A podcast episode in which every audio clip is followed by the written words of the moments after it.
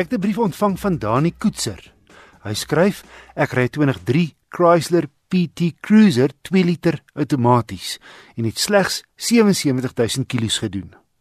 Hy is maar swak teen opdraandes en verloor vinnig spoed en krag, ook as gevolg van radverhoudings en ook omdat dit 'n baie swaar kar is. Dani se vraag is: As ek die katalitiese omsetter verwyder, gaan dit 'n verskil maak aan sy kraglewering en brandstofverbruik want hy's maar swaar op brandstof. Wat is die voor- en nadele daaraan verbonde? Sal jy dit aanbeveel of nie? Nicolou, die tegniese redakteur van die tydskrif Car, antwoord. Wesel, kom ons kyk eers na die doel van 'n katalisator. So die hoofdoel daarteelik is om jou skadelike emissies te verminder. So mens kan eintlik nooit aanbeveel dat jy katalisator verwyder nie want dit gaan onmiddellik uh, negatief vir die natuur wees. Uh maar kom ons kyk hoekom sal dit moontlik dan jou krag kan verbeter as jy katalisator uithaal. Die rede daarvoor is is dat die katalisator 'n uh, effense obstruksie het vir die gasvloei uh by uitlaat uit.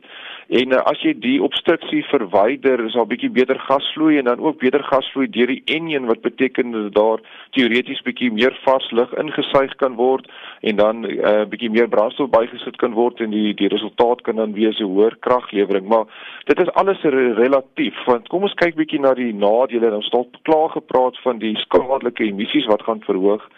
Maar onthou nou net die die katalisator wat jy uithaal, daai effense obstruksie wat jy dan uithaal is relatief baie min.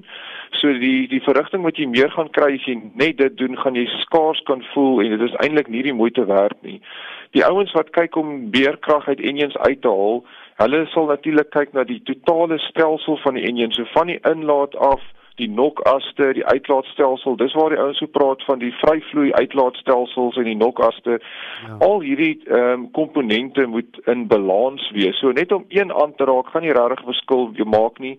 As jy nou na almal kyk en almal verander met 'n enjin wat 'n nie turbo enjin is nie soos in die PT Cruiser, kan jy miskien na 5 na 10% meer kraglewering kyk, maar natuurlik soos ons genoem sleg vir die omgewing. Ehm uh, jy kyk die betroubaarheid van die enjin gaan 10 keer afneem. So weer eens, uh, eh, mense kan dit nie regtig aanbeveel nie. Uh natuurlik gaan daar 'n bietjie meer geraas wees want die katalisator dien ook as 'n klankdemping en ook as jou voertuig toegerus met 'n diagnostiese stelsel wat kyk na foute. Daar's gewoonlik 'n lambda sensor voor en na katalisator wat kyk na jou brandstof-lugverhouding en ook dan bepaal of die katalisator sy werk doen of nie. En as jy hom uithaal, dan gaan die stelsel optel dat daar's nou 'n fout met die stelsel. Dit kan selfs dan 'n liggie op jou instrumentpaneel aanbring en dit kan ook uh jou krag verminder van jou enjin omdat 'n fout opgetel is. So die kort antwoord is wissel nee, dit is nie die moeite werd om die katalisator uit te haal nie.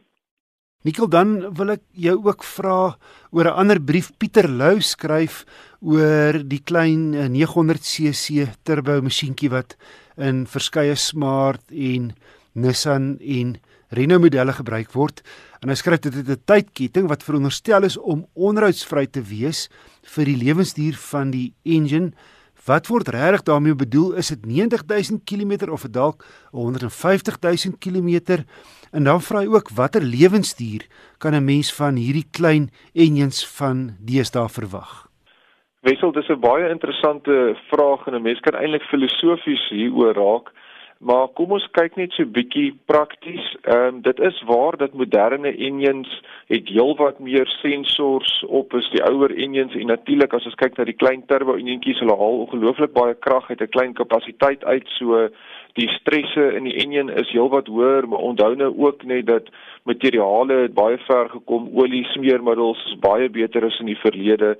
En ehm um, vervaardigers spandeer vreeslik baie tyd aan uithoutoetse op hulle engines, radkaste, die veel hele voertuig self om te verseker dat hy betroubaar gaan wees, maar nou betroubaar vir hoe lank?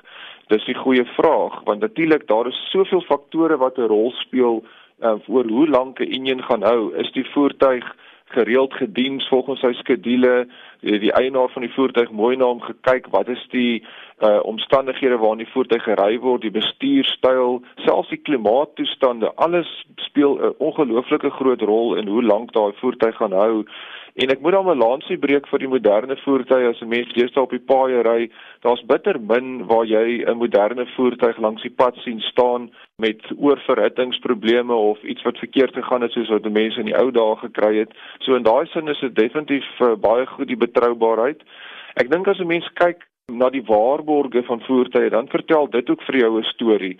En byvoorbeeld om net te noem dat Hyundai het op die oomblik uh, 'n 7 jaar 200 000 uh, waarborg op hulle aandryfstelsel, so ook het Honda tot 'n 200 000 waarborg op hulle engines en in voertuie.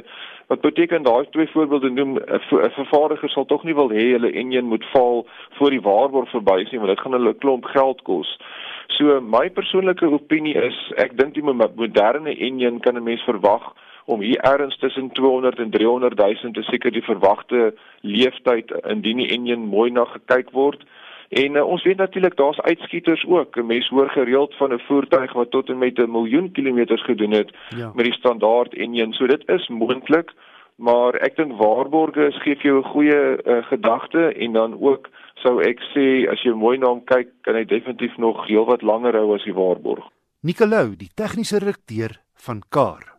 Onthou, alle vorige motorrubrieke is as 'n potgooi beskikbaar en vandag se bydrae sal maandag gelaai wees.